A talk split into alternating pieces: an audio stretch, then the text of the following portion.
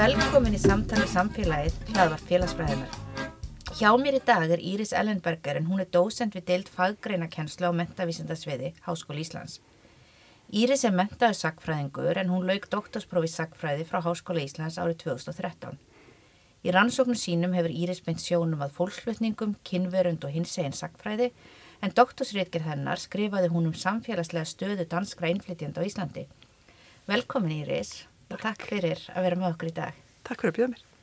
Og mér finnst svona oft voða gaman að vita aðeins um svona kannski sögu fólksinn sem við tölum um og kannski sérstaklega vel við svona að spyrja sagfræðing um hennar sögu. Þannig að kannski svona aðeins hver þín leið var inn í sagfræðina kannski svona frá því að áhugin kviknar á því og svo að ákveða að fara í doktors náum að klára þá gráðu. Já, mitt. Um, náttúrulega saga var alltaf eitthvað sem ég þótti þótti skemmtilegt bara í hérna grunnskóla og í mentaskóla um, og svo var þetta náttúrulega bara spurningin svolítið hvað maður vildi gera um, eftir, eftir uh, mentaskóla og það var svolítið bara svona træland error hjá mér, ég vissi í rauninni ekki alveg nákvæmlega hvað ég vildi nema eitthvað svona hugvisinda tengt, jú vissulega. Um, það var það sem ég hafði alltaf mest ánægi af Uh, prófaði að fara út til Fraklands í listasögu sem að mér leist ekki alveg nú vel á uh, kom svo til Íslands og byrjaði í þjóðfræði Já. og var þar í eitt vittur um, en svo longaði mig eitthvað aðeins að, að færa mig til samt sem áður og þá bara átti ég vinkunu sem var í stjórnmálfræði mm. og hérna var ég með sagfræði sem er aukagrein og henni fannst Anna Agnas uh, profesor emeritus, svo frábær kennari og hérna, og hún staði bara við mig ekki að farðu bara í sakfræði, mm. það áruglega rosa vel við og ég ákvað bara að prófa og þetta var bara rétt hjá henni og eh, hef ekki fært mig fett síðan. Og hvað var það svona sem og þá bara kveikti ljósi bara þetta er, þetta er það sem er rétt? Um, ég var náttúrulega rosa mikill nörd og bara þetta að vera að grúska í einhverjum gömlum skjölum og þessi svona Um, þessi svona áhersla ég mitt á að vera að leita einhverju nýju og vera með okkur einhvern veginn strax svolítið hend bara út í það að vera bara svona einmitt sjálf að leita að einhverju nýju sem engin annar hafði kannski eitthvað endilega skoðað áður eða skrifað um, um áður. Og það var það sem mér eh, átti að það var rosa vel við mig. Og eh, ég, það, svona, já, það var svona þessi svona, svona já, mín svona nördalega hlið þeir náði algjörlega blómstra í sagfræðinni ef þetta fá að bara fara fara í skelasöfnin, að fara í uh, dómabækur eða alþingistíðindi og einhvern veginn svona að, að reyna að svona finna einhverja gullmóla í fortíðinni sem maður gæti einhvern veginn búið eitthvað til úr og skrifað um, um og einmitt alltaf þetta að vera uppgötu eitthvað að finna eitthvað sem maður vissi ekki áður sem að mér þótti ótrúlega heitlandi við sakfræðina. Mm. Og svo klárar þau þá grunnnámið mm. en ákveður að fara í framhalsnám og síðan í doktorsnám sem Já. kannski svona fæstir gera eða mm -hmm. fáir. Þannig að hvað var það svona sem að, já kannski bæði svona gerði þér fært að fara í doktorsnáma því við veitum að náttúrulega alls konar hlutir sem að, -hmm. og stundu tilvílanir og alls konar hlutir og svona sem gerði að verkum, jú þetta er það sem ég vil gera í lífinu. Sko eftir að ég kláraði mestrarprófu þá var ég alltaf með það svona bakveira að fara í í doktorsnám. Um, og þá eitthvað uh, sem að tengdist þá annarkvört uh, sérst mistarverkefninu mínu sem voru ímyndir Íslands í uh, heimildamyndum. Mm. sérst svona gömlum heimildamyndum frá 1906 til 1966 eða þá að fjalla um það sem að sérst bíaverkefninu mitt hafði, hafði fjallað um sem að voru sérst í rauninni innflytjandamál í Íslandi og saga þeirra og einhvern nátt þar hafði fjallað um innflytjanda lög Um, en svo uh, kom uh, leiðbyrnandi minn uh, sem síðan varð, Guðmundi Jónsson að málu við mig og hérna linn mig vita að það var að fara að uh, sérst, um sögu dana á Íslandi og spurði hvort ég myndi vilja vera, vildi, vilja vera með ef að þau myndi fá styrkin sem þau svo fengu. Um, og það, þar með reyðist ég sem doktorsnemi við þessa rannsókn um, held ég hef, ég held ég hef ekki valið Dani ef ég hefði verið sjálf að vel, velja þetta svona alveg frá grunni ef ég hefði sjálf hannaverkefnið en svona um, svona fólksflutninga Dana til Íslands og staða Dana og Íslandi hún er samt rosalega áhugaverð á þessum tíma sem rannsóknin uh, sérst, nær til sem er sérst, frá aldamótunum 1900 til svona já, 1960 eitthvað þannig og hérna og einhvern veginn eh, komst svo í ljós að það var miklu áhugaverðar heldur en ég hafði gert mig grein fyrir. Vegna þess að, að þetta var stærsti hópur innflytjendu á Íslandi, hafði sérstakar stöðu á Íslandi sem Ísland og Danmarkur eru hluta sama ríki alveg fram til 1944 og náttúrulega tengslinn fyrir 1980 náttúrulega ennþá sterkara heldur en eftir það sem eftir uh, varð eftir það. Um, og eru frumkvöðlar að uh, sérst, mörgleiti eru að uh, starta alls konar starfsemi á Íslandi sem hefði ekki verið hægt að koma stað án þeirra um, og eru svona já, eru svona í ákveðinni forra, forræðistöðu þótt að þeir séu náttúrulega vissulega líka innflytendur með þetta segja. En svo náttúrulega flækir þetta líka svolítið svona sérst, þeirra staða og það að Ísland og Danmarku eru hluta sama ríki svolítið svona flækir þetta svona hugtak innflytendi, eru þeir innflytendur Mhm. einhvern veginn það er líka það sem að þurfti svolítið, þu- þurfti svolítið að sp- að spá í. Já. um, og já, þannig að það ég var, var síðar mjög, mjög ána með að hafa stokkið á þetta þekkifæri að, hérna, að fara inn í þetta verkefni. Og kannski svona í félagsfræðinu þá við alltaf að velta fyrir okkur svona þegar eitthvað breytist á samfélagslegu lefili, hvort að það hef áhrif. Og þú myndist um dáða þarna að náttúrulega á þessu tímafél sem þú ert að skoða þá breytast tengslin mm já, að 1918 og svo aftur 1944. Hafði það einhver áhrif á það sem þú varst að skoða? algjörlega, maður sér svona það kannski gerist ekki, uh, gerist ekki allt í einu Ekki 17. júni 1944 var þetta bara allt allt annað. Nei, þetta er svona, e, svona eftir því sem að líður á maður sér að það er annar hópur sem er að koma e, til, til Íslands e, svona kannski upp úr 1920-1930 sérstaklega.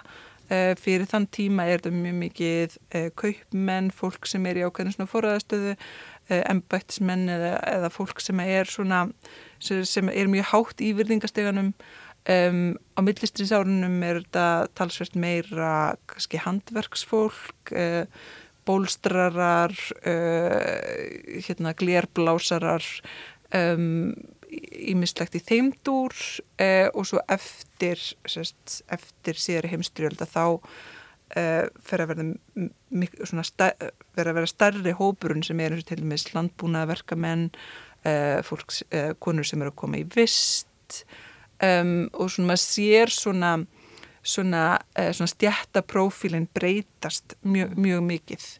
Um, þeim fer líka stöðut fjölgandi um, þannig að það eru talsverða breytingar sem eru eiga sér stað sem að má að einhverju leiti náttúrulega reykja til svona breytingana á, á sambandi landana á þessum tíma.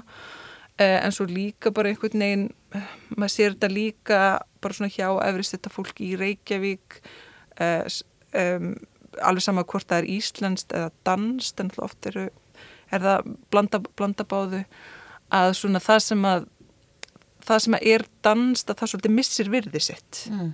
að hérna, það þykir ekki eins fínt og áður og það verður erfiðara fyrir, fyrir efri stættafrúrnar í Reykjavík að greina sig frá almúan, almúanum með því að nota dansk tungutak eða eitthvað svona innflutningsföru frá Danmörku og ég mislegt uh, í þeim dúr. Þannig jú það verða alveg talsverðar talsverðar breytingar á þessum tíma á stöðutana og mér fannst það mér fannst það mjög mjög áhugavert um, og svona, já, það var eitthvað sem að ég heitlaði mig mikið þegar ég var að, var að svona sko, skoða þetta. Og mér er svolítið áhugavert, þú talar um þetta í rauninni svona þessa stöðu, kannski danskra innflytjenda þá bæði kannski verið í ákveðinu forréttindastöðu, en líka kannski þá í ákveðinu viðkvæmari stöðu sem að vera innflytjendur. Og það er náttúrulega kannski líka tengist þegar við erum að skoða innflytjendur almennt og stundum setjum við bara innflytjendur í einn hóp. Mhm. Að innflytjendur eru svona en við vitum náttúrulega að Mm -hmm. innflytjendur eru jafn ólíkir og bara fólk er ólíkt.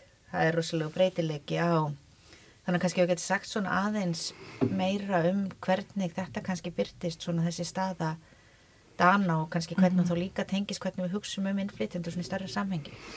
Um, sko þeir eru mjög áhugaverður hópur sko sérstaklega þarna í upphafi 20. aldar finnst mér allavega einmitt vegna þess að Ísland og Danmörkur eru hluta saman ríki.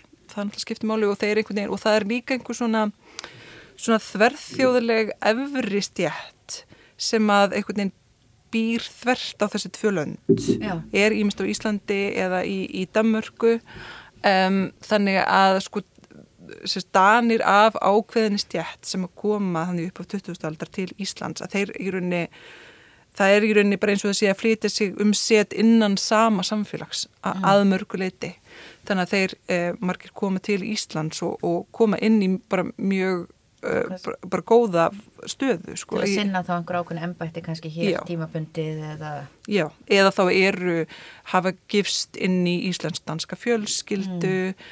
Um, eða svona eru náttúrulega þarna ákveðin einstaklingar sem eru bara alltaf á faraldsvætu millir Íslands og Danmörkur, kaupmenni til dæmis já. sem að búa hlutur ára í Íslandi hlut, hlutur ára í Danmörku, hérna, í Danmörku þannig að það var svona þessi svona þverþjóleiki sem að um, mér fannst mjög áhugaverður uh, sem er eitthvað sem er oft sérst, þetta hugtak þörþjóðleiki um, upphaflega þegar það var sett fram að þá var svona talað þetta væri eitthvað nýtt mm. þetta væri eitthvað sem engyndi okkar samtíma um, en svo hafa náttúrulega sakfræði verið sína fram og þetta kannski enginn er ekki síður eh, samfélögin áður en að lönd fóru að setja sem miklu lagalegu hindranir mm -hmm. á fólkslutninga yfir, yfir, yfir landamæri um, þannig að uh, það, já, það var það sem heitlaði mig svolítið við, við, við þennan hóp og mér fannst ég einhvern veginn ná að skoða uh, svona hugmyndina um innflýtjendan á Íslandi mm. í allt einhvern veginn öðru ljósi þess að við erum einmitt svo vöndið í hugsa um innflýtjendi sem fólk sem kemur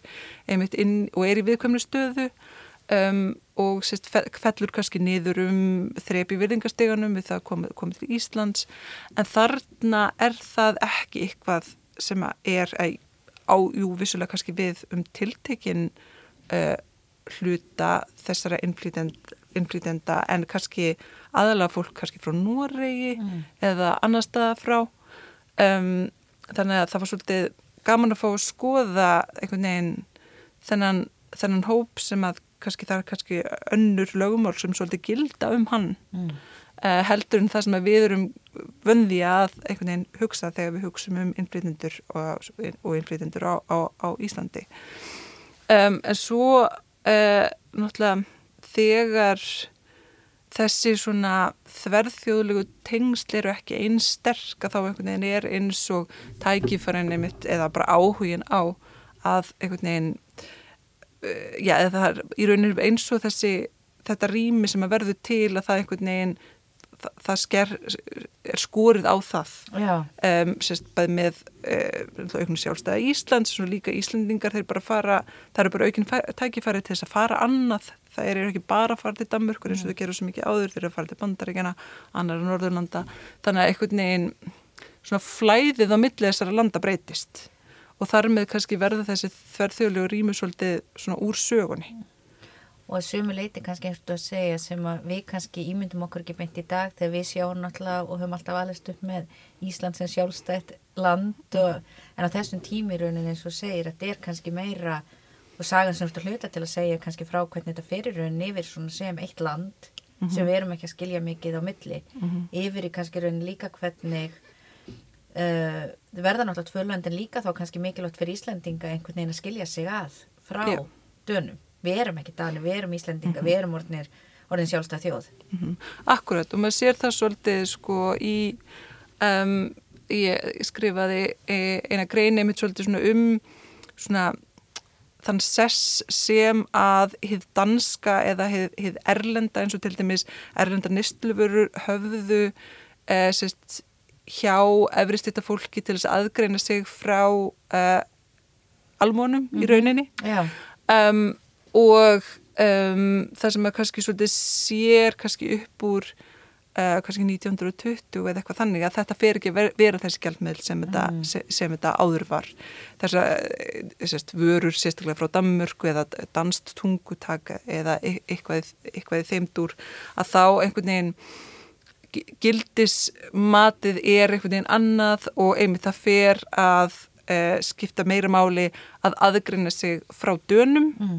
Heldur en að nota hefði danska til að aðgrina sig frá uh, almúanum. Já, þannig að þá sumuleiti kannski frá því að vera þessi stjættaskipting sem þú þarfst að vera mhm. aðgreiniði á þá ferða í viður Íslendingar og, og náttúrulega svolítið sem að þó það við náttúrulega alltaf verið ójöfnur og mhm. stjættaskipting á Íslandi þá sjáum við svolítið svona þessa hvernig við erum alls saman í að vera Íslendingar og kemur náttúrulega kannski mjög stert svona Já, þegar áfjöldbi áta á eða þegar við erum í einhverju fókvaldakefnum eða einhverju, eða íþróttakefnum kannski svona, þannig að þá fyrir við kannski að sjá svona svolítið þess, þess áherslu sem að, og sumuleiti kannski fóru við of langt frá því að svona viðkenna stjættamun sem að vissulega hefur alltaf verið til staðar. Uh, já, akkurat sko. Ég held líka, sko, maður sér líka að þegar svona frá dregur þá verð, fara kannski sérstaklega svona efristittar konur, já. að þær fara að verða einhvers konar svona fulltrúar, einhvern veginn svona óþjóðlegar stjættskiptingar. Já.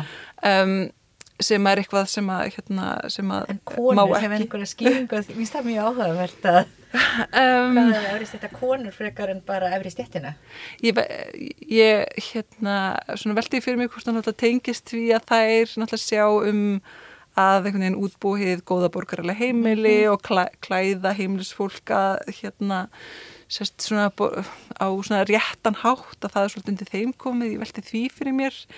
Um og svo náttúrulega líka þær eru ekki Íslandi lítið land og það, það er svona fólk sem er að gangast upp í svona efrist þetta borgarlega heitum að það, það fer ekkert að þetta, er, þetta eru allavega karlanir eru þeir sömu eða afkomundi mm -hmm. þeirra bræður eða frændir eða eitthvað þeir halda áfram að taka þátt í íslensku stjórnmálum en af einhverjum ástæðum að þá verður að þá verða eh, svona konurnar svolítið svona tákmynd uh, hinn hin snoppaða kona sem að vil helst tala bara dönsku mm. og hérna klæði sig á svona borgarlegan hátt Sérst að þetta er svona ákveðið íkon sem að byrtist í til dæmis endurminningum sem svona frá því svona 1950 svona og tengist á náttúrulega líka sko sjálfstæðisbartunni mm. eh, sérst og nýfengnu þá sjálfstæði Íslandinga sérst 1944 að þegar eh, sérst um, einhver svona menningulegur framöminn er að hugsa tilbaka sérst og skrifa endurminningar sínar þannig kringum kannski 1940-50 að þá þá verður þessi, þessi kona svolítið til sem yeah. einhvers konar takmynd hins, hin, hins óþjóðlega sem fælst kannski ekki síst í svona snoppi og svona eh, já, hotlustu við einhvers konar stjættaskiptingu sem þykir ekki lengur við hæfi Já, kannski svona eins og þú ert að segja að það er þá auðveldar um að umbreyta kannski sínu hlutverki mm -hmm. og eru náttúrulega eins og við náttúrulega alltaf oft tala um náttúrulega þessi skiptinga kallarnir eru út á ofinbæravettfanginum og konur á heimavettfanginum mm -hmm. þannig að þeir í rauninni kannski fara frá því að vera einhverjar sjálfstæðishetjur yfir í að vera í stjórnmólum eða einhver mm -hmm. svoleiðis en þeirra hlutverk svona svolítið sittur eftir það er ekki eitthvað nýtt sem kemur í staðin Jú, það er alg algjörlega, algjörlega þannig hún hérna, Sigrun Pálsson einmitt minnist sérstaklega á þetta eh, sérst í sí,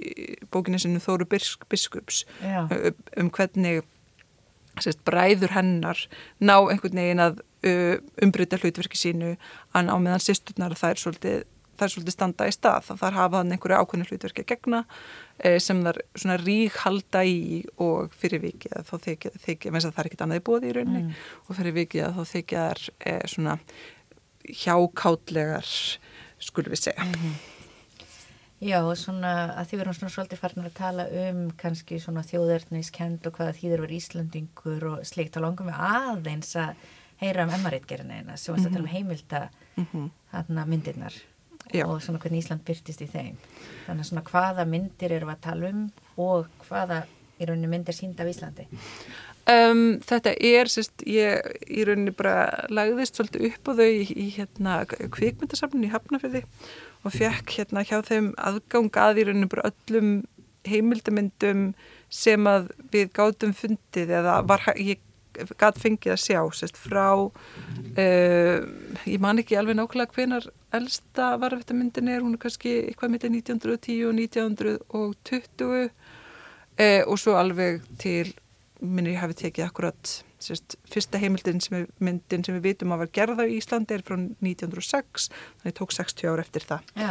sem að hérna uh, passaði alveg bara svona feikið vel upp ná ákveðinni svona ákveðinni svona þróun um, og það má í rauninni segja að ímyndin, ímyndin breytist furður lítið Mm.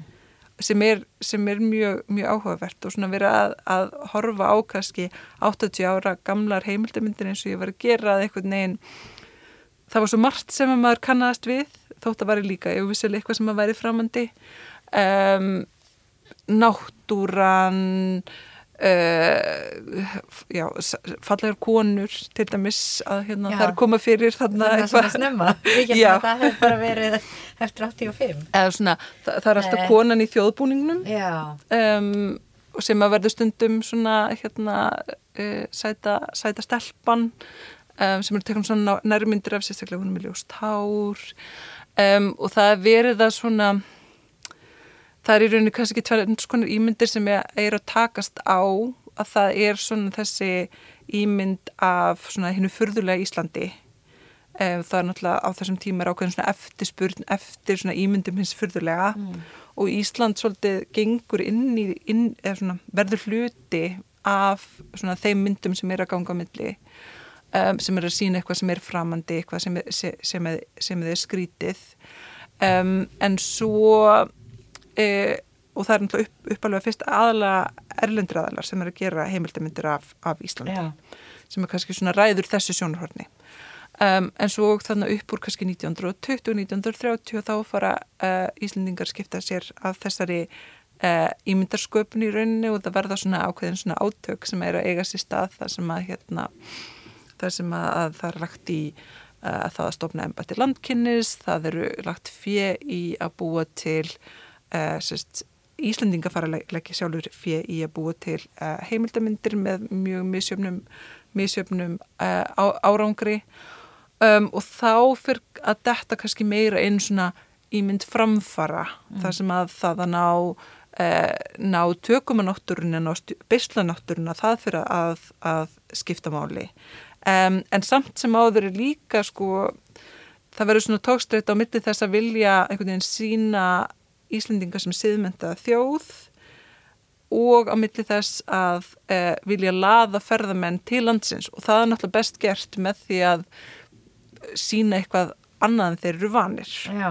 Þar kemur náttúrulega íslenska náttúrunin en svo líka svona Íslendingar eru skringileg þjóð sem er eitthvað sem er fylgir okkur náttúrulega fram á bara til okkar daga. Að hérna, við, maður er svona ennþá að sjá einhverjum svona skrit, skringilegar heimildamindir þar sem er talað um Íslendinga trúalva og hérna um, og það er mjög áhugavert að vera að e, sko svona fjalla svolítið um þetta í kringum hrun og sérst í, í útrásar blúsinu einmitt, það sem einmitt það var mjög mikið verið að spila með eh, svona ímyndir af skrýtna förðulega Íslandi en samt framþróða Íslandi sem er betra náttúrulega í viðskiptum.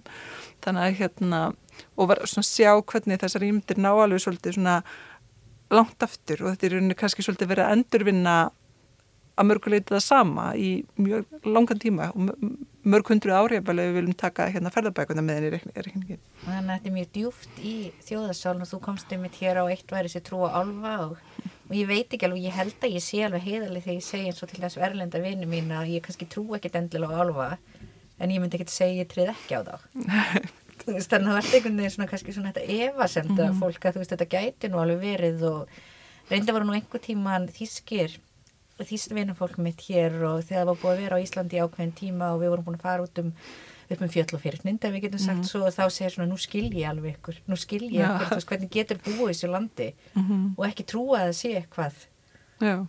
eitthvað yfirnáttúrulegt eða eitthvað meira Já. en svona kannski eru fleiri dæmi einhverjum, þú veist hvað er það sem er svona skrítið þú veist hvað var það sem er sérstaklega notað og við höfum áfram að nota Um, það sem er skrítið um, maturinn, Mhm. einhverjum skringilegir, skri, skringi, skri, skringilegur matur, um, það er skrítið og fólkið er stundum skrítið, um, eða það er, jú, oft skrítið en á mismunandi hátt.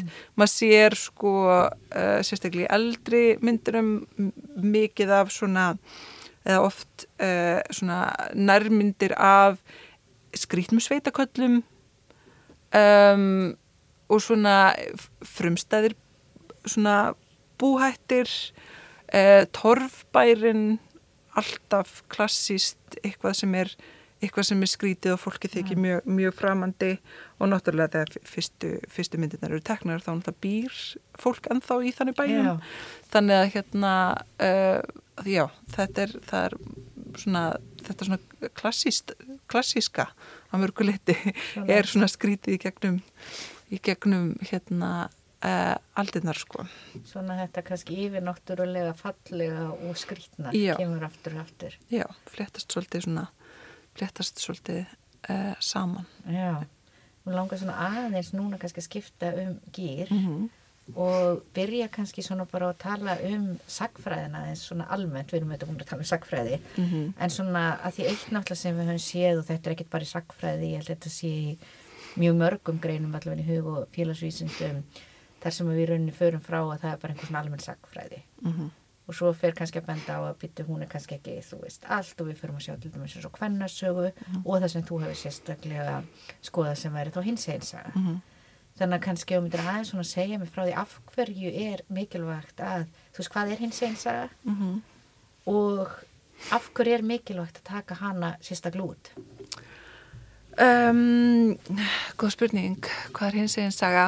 Um, sko, um, ég hef um svolítið verið að veltaði fyrir mig hvað er hins eginn saga. Um, hún er að einhverju leiti saga hins eginn fólks um, og kannski upphaflega uh, sérst, svona þú, svo undirgrunni sagfræði sem er kannski svona verður upphaflega til uh, er saga kynverundar sem nær ekki bara utanum uh, hins einn fólk og hins einn kynverundur heldur líka bara allt sem að bara tengist bara kyn- kynverund, kynlífi um, og þá kannski sérstaklega hvernig því er stjórnað, hefur verið stjórnað hvað þykir uh, hvað þykir ósæmilegt, hvað þykir ásættanlegt, mörkin þar á milli.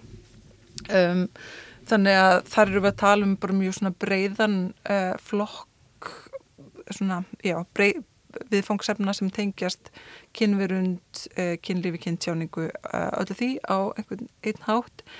Um, hins segin sagfræði er kannski svolítið öðruvísi. Um, að þar er, hún, þar eru við mikið að nota hins einn fræði eh, til þess að varpa ljósi á eitthvað í sögunni en nota þau greiningatækju tól sem er hægt að finna eh, þar. Og sakfræðin er svolítið skemmtilegu upp á það að það er hægt að það er einmitt hægt að svona grípa svona tækju tól svo, svo víða að um, eins og til dæmis í kvennarsögunum svona alltaf félagssaga sem hefur verið að nota hérna tækjutól úr, úr, úr, félagsfræði og svona, svona, svona ímislegt uh, þannig að hins eins, hins eins saga er að hluta til það að vera að nota uh, tæki hins einn fræða og beita á söguleg viðfangsefni. Um, en svo er hún líka svolítið uh, gengur líka svolítið út á að skoða hvað hefur þótt hins einn í gegnum söguna og hvernig, hvernig það breytist. Uh, hvernig eitthvað, eitthvað sem einu sinni þótti uh, svona uh, óvinnulegt eða grafa undan vennjum sem að, að tengjast sérst, samböndum eða kynlífi, hvernig það kannski síðan er verður hluta því sem telum eðlilegt. Og öfugt um, svona verið að rekja þessar þessar svona þræði um, já, mismunar um, eðlileika og afbreyðileika í gegnum, í gegnum söguna Mm. um, já, það er kannski svona það sem að hins eginn sagfræði er og svo náttúrulega martana. Já, og kannski svona einhverju leiti bæði þá að tala um sjónarhortin sjálft Mhm. og líka þá viðfangsefnin. Já, Því að þetta náttúrulega kannski með, og ég held náttúrulega mjög lengi og aftur sagfræðin er ekkert einstökið því, en náttúrulega með margar fræðigreinar og vísindi kannski þau eru hlutlaus. mhm, Þau eru að segja eitthvað sannleikan. og svo náttúrulega var sannleikin bara rosalega lengi þannig að kalla skrifuðu sögurnar og náttúrulega ákveðin tegunda kallmönnum kannski. mhm, Þannig að sömuleit er þetta náttúrulega líka bara kannski að sína hvernig það var miklu meira að gerast heldur en bara þetta eina sjónarhort og ég meina allt sem við gerum í rauninni er ákveði sjónarhort þannig að það er sagt að tala bæðum það sem það en síðan auðvitað líka við erum farin að skoða þá mhm. þessi viðfangsefni og hvað er talið eðlilegt og óeðlilegt og hvernig það þróist við tíma. Akkurat, akkurat. Og ég hérna einmitt uh, svona þessi hins segin uh, sagfræði eða saga sem er sérst, sem er tiltöla nýfarna stunda hér, hérna á Íslandi um, hef, hefur einmitt svolítið við eða svona er hluti af svona þessari uh, þessari kannski svona vitundra vakningu að uh, sagfræði er ekki eitthvað eitt tiltekið og hérna svona og það er líka það sem við höfum verið að reyna að gera sem við, við sem höfum verið að ástunda þetta er að einhvern veginn að reyna að sína fram á að hins eginleiki tengist svo mörgu og er í rauninni þetta er ekki saga einhvers jaðarhóps heldur er í rauninni er þetta saga fyrirbæri sem er svo svona mikið bara grundvallar þáttur í mannlegri til, tilveru síðustu kannski já, allavega síðustu, síðustu öldin eða svo. Um, þannig að það er líka svona þetta snýst líka um að vera svolítið að skjöna eða svona það, ef, ef, ef við notum það sem sem uh, svona íslenska þýringu á hugtekinu að to queer. Mhm. það verið að svona skjöna mainstream sag- sagfræði líka í rauninni.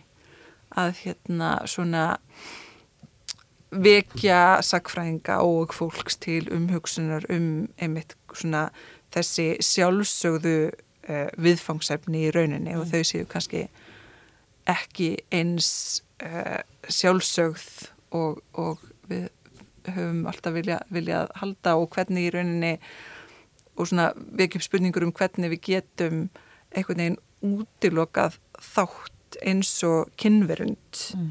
einhvern veginn sem er svo mikið hluti af einhvern veginn okkar okkar lífi og okkar, okkar, okkar sjálfi og hefur verið í, í svolítið tíma hvernig við getum einhvern veginn sagt að það sé ekki hluti af einhvern veginn meginströmmnum eða einhverju sem allir eiga að læra eða einhverju sem allir eiga að þekkja Mm. Að, já, hins einn saga gengur líka svolítið út á að að e, svona e, veki upp spurningar varandi það. Já, og oft svona kannski skiljum við hlutina líka betur með svona einhverjum konkrét dæmum um til þess rannsóknir. Og þú nú byrt nokkra greinar sem að tengjast í sem að mér langar að heyra hans meira um og kannski byrja á grein sem að ég las aðeins í um kvennaskólan og ástir kennslu kvenna um aldamótin 1900 og mér finnst líka mjög áhugavert þar að þú notaðir ástabrif úr skjálasafni Ingi Björgar Há Bjarnason sem var skólastýra kvennaskólans í Reykjavík. Þannig að kannski myndi segja mér eins frá þessari grein, svona hvernig þú férst áhuga á að skoða þetta, hvers konar gögn þú hafðir aðgang að og hvað var sem að þú fannst. Akkurat, þetta, þessi uh, grein er einn af svona afraksturunum uh, uh, af huldukonuverkefninu svo kallaða sem að uh, sérst, ég tók þátt í á samt Ástu Kristíður Byrjandiktsdóttur og hafði sérlega Hafstinsdóttur um, þar sem við lögðum upp í þá veg, vegferð að reyna að fá uh, styrk til þess að fara í skjálasöfnin og uh, í rauninni bara að leita og aðtöku hvort við myndum finna eitthvað um uh, svona eitthvað sem tengdist uh, svona, já, hins egin sögu kvenna Mm. Á Íslandi í fortíðinni, menn að það var við vissum í rauninni höfðum mjög litla hugmyndum hvaða heimildi væru að núti, hvort það væri eitthvað að finna eh, og þar eh, sérst, og fengum styrk til, til þess frá eh, ja, Brittisjóði Íslands um, sem var frábært, þannig að þá gætu við farið og bara farið í skjálusöfnin bara þannig Ingebjörg H. Bjarnason það er, hefur heist orðrómur um hana Já. núna ætlum ég að sjá hvað er gerast, gerast í þessu skjálasafni og líka að hérna spjalla við uh, fræðafólk fólk sem að svona einmitt hefur heyrt orðrómana, veit, veit um eh, einhver bref þarna, eina dagbók á hinnum staðnum. Og þegar þú talar um orðuróma, hvað, hver var orðurómurinn? Orðurómurinn var sá, varðandi allavega sérstaklega eh, Ingi Björg Há Bjarnason, að eh, hennar skjálasafn hefði verið reynsað af ósæmilegu efni. Já.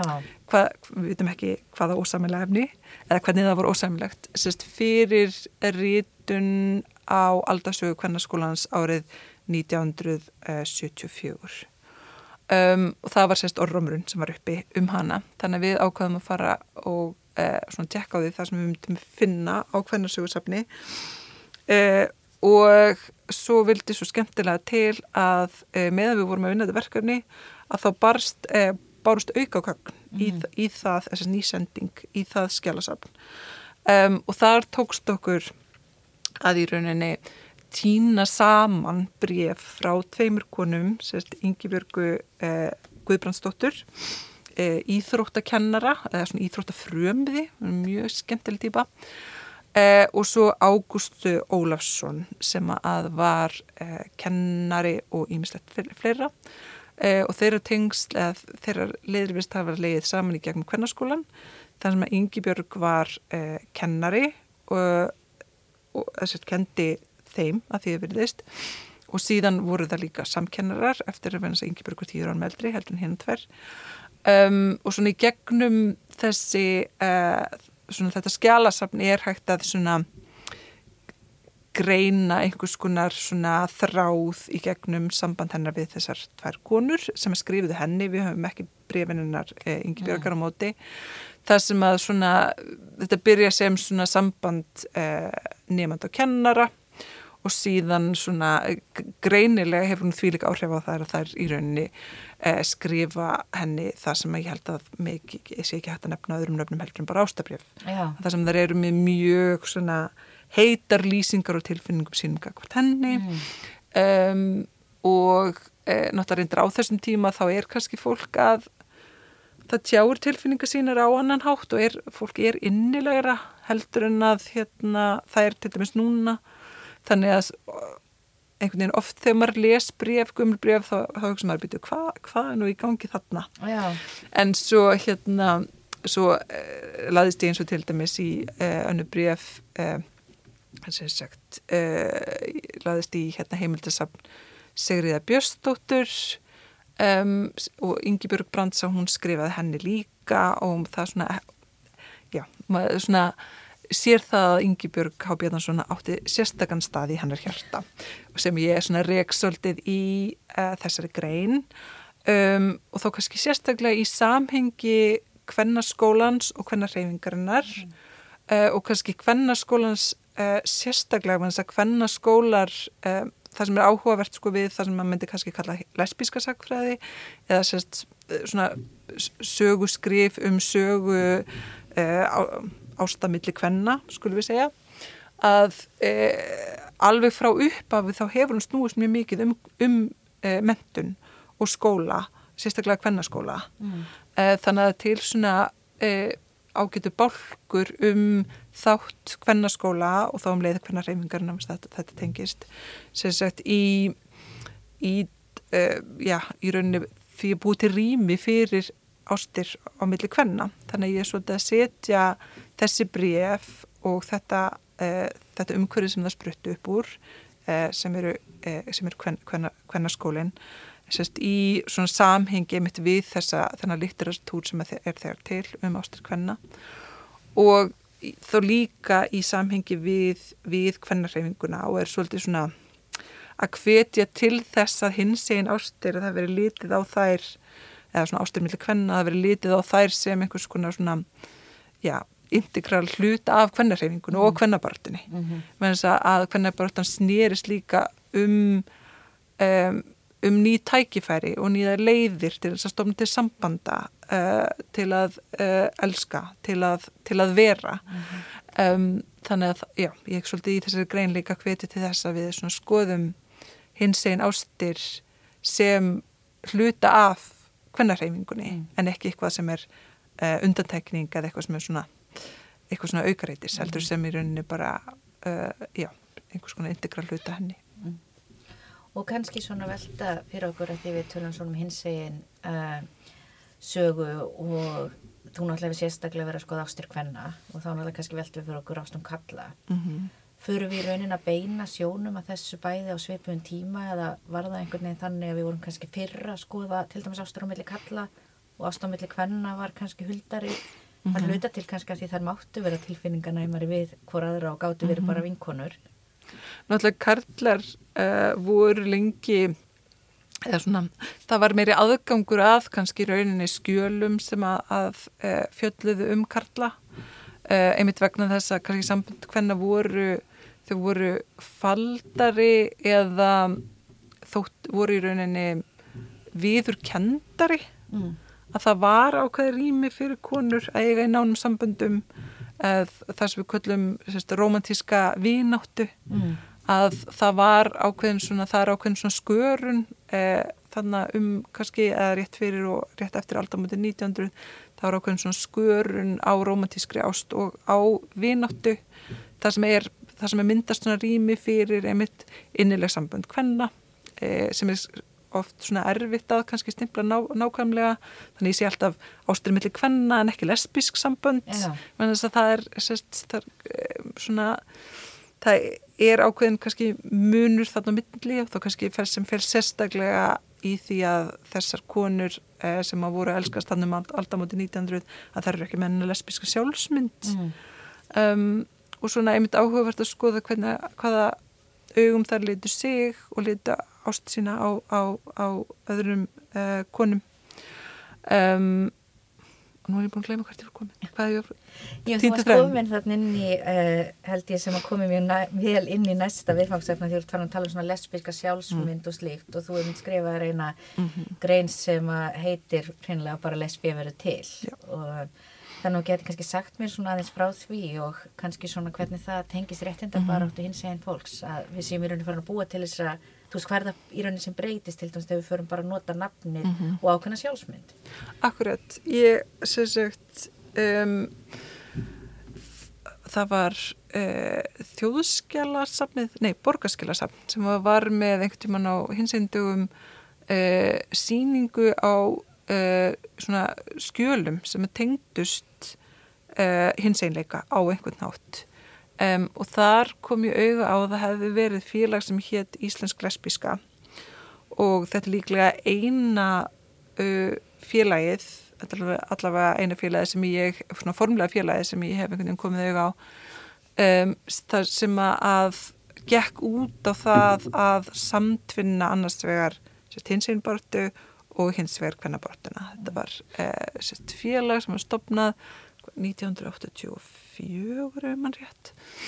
Og hafði það markmiði að eiga að sérst, vera sérst, bæði í rauninni innan eh, innan samtakan 78 en svo líka innan hvernig reyfingarinnar og var í sérst, staðsett, ég var með aðstöður í Víkinni sem að hérna eh, hvernaframbóðið hafði tekið á leigu og var svona miðstöð feminískrar eh, barti eh, á, eh, á Íslandi og um, það sem ég gerði var ég tók viðtöl við sérst, gamla meðlimi íslensk uh, lesbíska og hafði áhuga á einmitt bara því að komast að því hvernig það var að vera í rauninni fyrsta kynnslóð hvenna sem að tók sér lesbíska sjálfsmynd. Já. það voru þessar konur.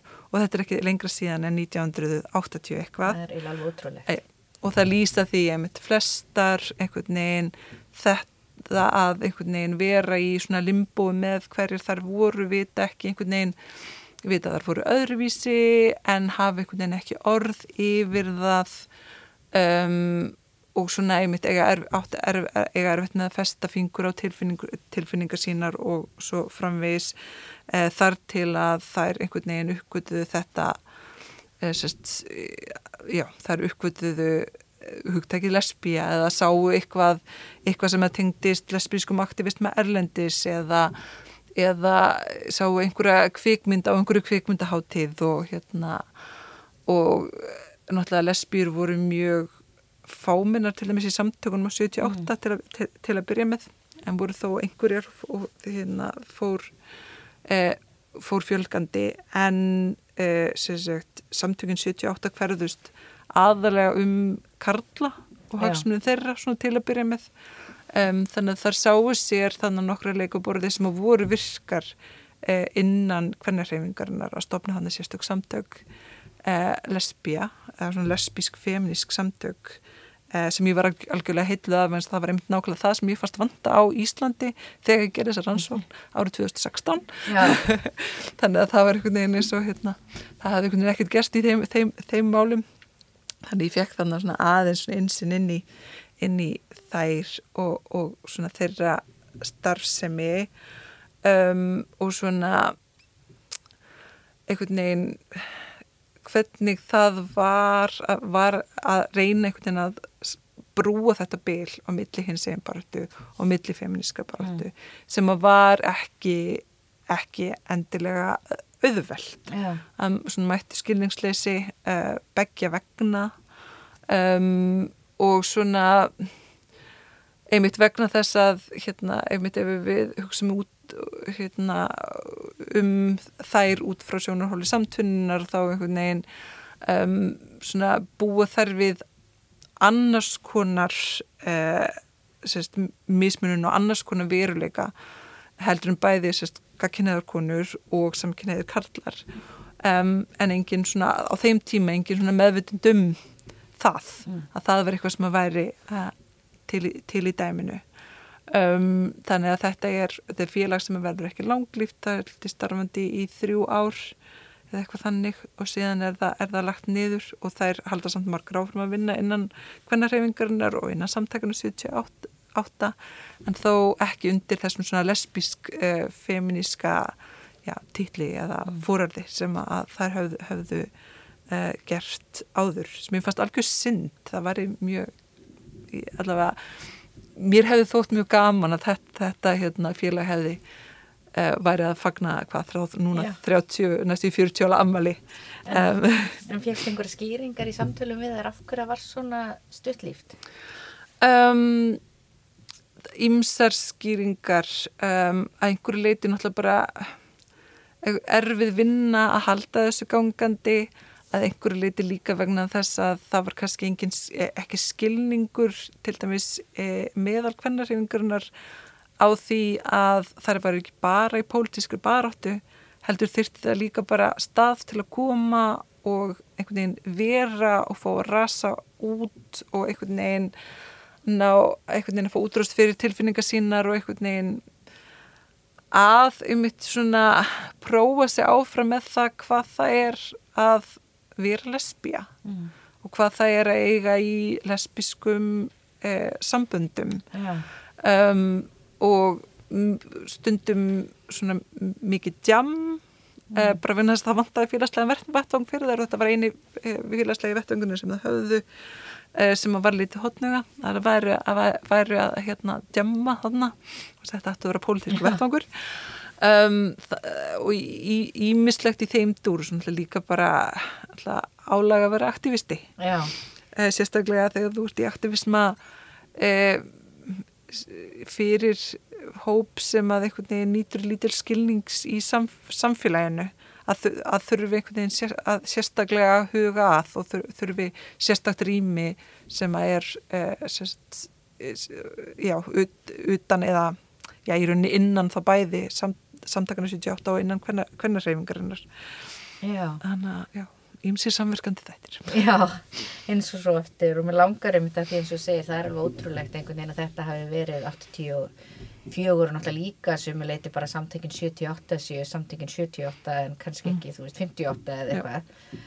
Um, en samt virðist líka vera að þó að kannski sagan sé svona ný hér á Íslandi þá hefur samt náð mjög miklum árangru og kannski svona oft hraðari samfélagsbreytingum heldur en kannski sést í mörgum mm -hmm. öðrum samfélagum og það er nú oft svona talað um allavega skori við hátta á þessum samanburðar kvörðum sem er alltaf verið að gera um, en þú hefur um líka skrifað bókakabla þar sem þú setur íslenskan veruleika svolítið í allsjóðlegt samengi og tala svona mm. svolítið um hvort það var ekki bara svona paradís hins einn fólks eða slíkt sem er kannski oft þessi já, svona ímynd sem við höfum. Þannig að kannski segja mér aðeins frá þeirri grein en líka svona kannski frá því, þú veist, hvernig myndur meta raunverulega stöðuna, þú veist, hva, hversu langt erum við í rauninni komin og hvað kannski er eftir? Um, já, erfitt að segja. Sko, það sem þú varst að hérna, að segja á hann, einmitt við komið svo langt og eitthvað þannig að það er sko, þetta er eitthvað sem, er, sem er, he, heyrir mjög oft. Og kannski svona ánþess að uh, fólk sé virkilega að taka púlsinn á stöðunni? Heldur er þetta kannski bara orðið meira svona hluti af því hvernig við hugsum um Ísland? Og Ísland er náttúrulega besti heimi og hlýtti þá vera það líka í hins einn málumnum og það er náttúrulega ímislegt sem að svona kannski stiður við það. Uh, ég meina uh, við áttum fyrsta opimberlega hins einn samkynniða uh, hérna fósittisráþurann sem er oft dæmi sem er mjög tekið um, en svo kannski og svona ímislegt fleira en svo kannski þegar maður fyrir kannski að líta eins og til dæmis að á kort ylka sem að kortlegu stöðu hins einn fólks uh, sett í Evrópu að þá skóru við ekkert kannski sérstaklega hátt mm. Að það eru, mér við erum kannski þannig rétt frá miðju, ég veit ekki alveg nákvæmlega hvað stað okkar er akkurat núna. Svo ég held að myndi koma flestum á óvart. Já. Þú veist, þú einhvern veginn gerir aðfyrir að við séum Mhm. ekki á toppnum þá bara allavega mjög nálagt Já, og það er einmitt þessi svona hugmynd sem hef, hefur verið að myndast svona já, svona mýta getur við sagt, kannski svona síðasta áratögu eða svo um að við séum, við séum algjörlega með þetta. Og hér eh, líði hins einn fólki betur heldur en við öllum öðrum löndum, hér sé hins einn fólk eh, örugara um, og eh, þetta er sérstaklega oft notað í einhver svona samanburðar samhengi að við erum að standa okkur betur heldur en einhver annar mm. um, og þá fór, fór maður einmitt svolítið að hérna, einmitt sérstaklega þegar það var varði í rauninni ljóst að á þessum mælikvörðum þar sem við verðum að mæla jafnbrytti hins einn fólks uh, og náttúrulega sérstaklega minn þetta er í rauninni bara lagalegt jafnbrytti uh, að þá væru við ekki skora, skora eins hátt og einhvern veginn við heldum sjálf að þá eh, einhvern veginn þótti mér áhugavert að fara svolítið svona einhvern veginn í saumana á saumana á þessu fyrirbæri þessari hugmynd um að við séum einhvers konar eh, hins í einn paradís. Og þetta tengist þá náttúrulega líka eh, eins og til dæmis mistra eh, rannsókninni minni eh, um ímynd Íslands. Og maður, sé, maður sá svona ákveðna, ákveðna þræði þannig að milli að það er sko í rauninni frá því að það var byrjað að lýsa Íslandi á prenti sem er hann einhvern tíman á hvað, 12 öld ef mann rétt, að þá er Íslandi lýst annarkort sem paradís Mm. eða sem dystopíu. Náttúrulega vegna þess að Íslandi er eiland, það er langt í burtu, fólki sem er að lýsa Íslandi, að það er, það kemur, kemur aldrei til Íslands, Já. heldur verður þetta einhvers konar, einhvers konar útop, útopísk ímynd eða dystopísk, um, einhvers konar æfintraland sem er, uh, sem er langt í burtu og gegnir einhvers konar, sem einhvers konar speilmynd á samfélag þess sem er að skrifa. Um, og þetta er í rauninni arleið sem við erum að einhvern veginn vinna með allt til okkar daga og byrtist núna kannski síðast í þessari hugmynd um hins einn út af pjena. Mm.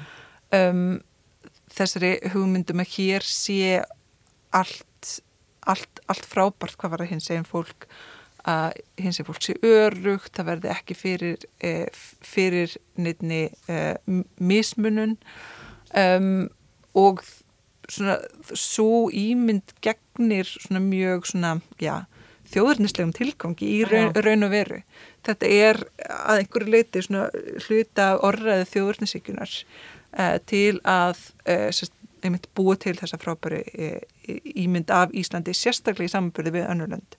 Að það er alltaf þessi samanbyrð þarna, þarna á, á, á milli. Um, þannig að það er eitt af því sem ég er, er svolítið að hérna, skoða, skoða í þessari grein uh, og líka skoða hvaða fólk þetta er sem hefur það svona frábært í Íslandi Mm. hvaða, hvaða hins einn fólk það er sem að þessi uh, þessi ímynd er í rauninni búin til uh, út frá uh, og líka skoða hvernig sko þegar við í rauninni innlimum hins einn fólk inn í þjóðina sem við erum náttúrulega að gera þegar við erum að búa til þessa svona þjóðurnislegu ímynd sem að byggir á stöði hins einn fólks uh, hverju eru við þá að útiloka um leið Mm. sem er þá hins einn fólk sem er ekki hvít, sem er ekki samkynneitt, sem er ekki borgarlegt, uh, sem, er, uh, sem er til dæmis fatlað eða rótækt, fólk sem kemur frá, frá öðrum löndum, sem eru flóta fólk til dæmis.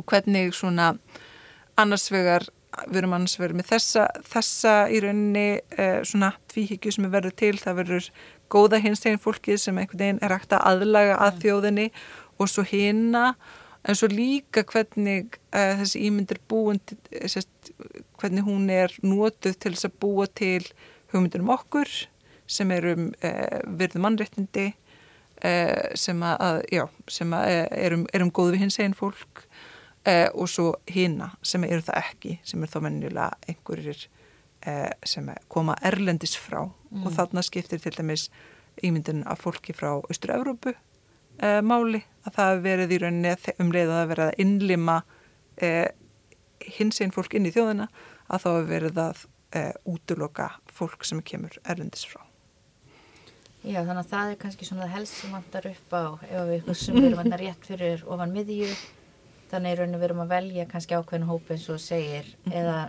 en eru líka einhverju svona atrið til þess að hluti sem við erum ekki að gera eða Þannig, uh, ertu að meina svona varðandi þessi réttindi sem já, þú veist, hvað þyrtu, já, hvað þyrtu við að gera til dæmis til að komast á toppin?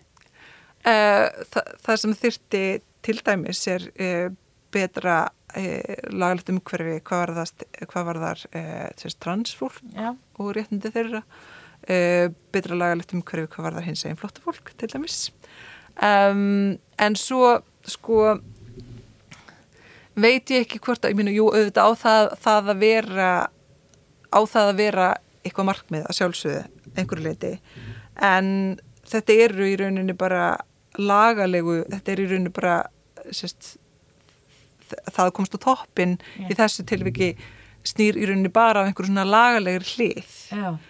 Um, þannig að svona það sem að kannski ég hef meiri áhuga á er uh, kannski að skoða miklu frekar einmitt uh, hvaða fólk þetta er sem við erum að mið, miða mhm. við þegar við segjum að Íslandi er uh, hins eginn paradís um, það er eitthvað sem ég hef, hef svona, svona meiri áhuga, áhuga á og hvað verður þá um þessa hópa sem er ekki viðmiðið mm -hmm. Verna þess að svona að burt séð frá einmitt öllum, öllum þessum skölum og hérna þessum svona þessu, þessu lagalega batteri öllu saman því, því, því umhverfi að þá eru við samt með þessa, þessa, þessa ímynd, þessa mýtu að það sé allt í blúsandi bara blúsandi velgengni hérna á, á Ísland, Íslandi. Og það, það er það sem er mér fyrst, fyrst áhugavert, kannski miklu frekar heldur en það sem að, að, að þyrti í raunin að bæta. Mér finnst áhugavert að rína í það hvernig getur það verið að við séum þannig rétt bara fyrir ofað miðju en samt finnst okkur eins og við séum á toppnum og við séum að vinna Já. og einhvern veginn við séum betri heldur en allar hinn að þjóðunar. Mm því að við erum það kannski fyrir ákveðin að hópa en um leið og mm -hmm. þá erum við að gleyma öðrum með að útiloka þá eins og segir mér langar kannski síðan bara svona aðeins í lokin að bara svona spurja þig út í framtíðin aðeins og hvað mm -hmm. er mhm. sem þú ert að skoða núna og kannski hvaða viðfóngsefni er að gera þið spenta í augnablikinni og þið langar að skoða?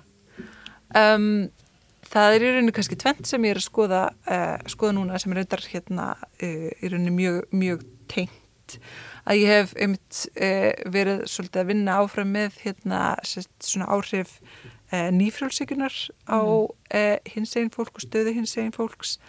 Um, þannig að núna er ég búin að vera að fara í fjölmiðla umfjöllun annars vegar um e, samkynnaða kalla frá 1990 til 2010 e, og hins vegar um hins einn fjölskyldur frá 2010 e, til ok okkar dags um, og er að vinna þetta annars vegar með Þorstinni Viljómsinni og hins vegar með auðvimagtísi auðvardóttur þannig að þetta eru tvei ólíkverkani en þau skarast mjög svona skemmtilega.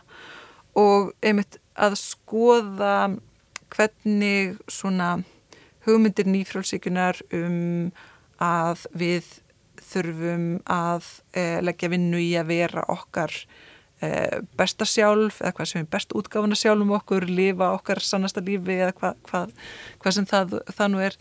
Uh, hvernig það byrtist í þessum uh, viðtölum og hvernig það í rauninni hefur einmitt áhrif á svolítið einmitt svona innlimun hins einn fólks, þessar svona orðraðin ífrálsíkunar uh, hvernig hún hefur áhrif á uh, innlimun hins einn fólks inn í til dæmis, já, þjóðina, getur segjum sem svo.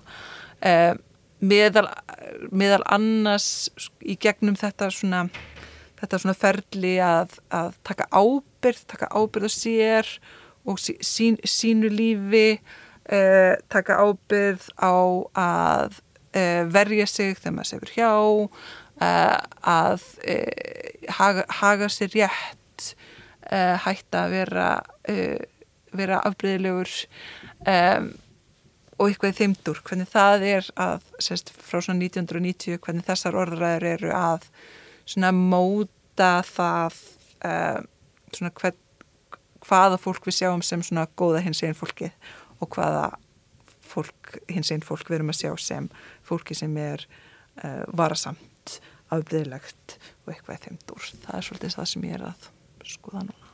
Já, það er mjög áhugavert og ég sé að við þurfum held ég bara að fá þig aftur hlaðfari við þetta það er komið en bara bestu takkir fyrir að vera hér með mér í dag. Herðið, takk fyrir að bjóða mér.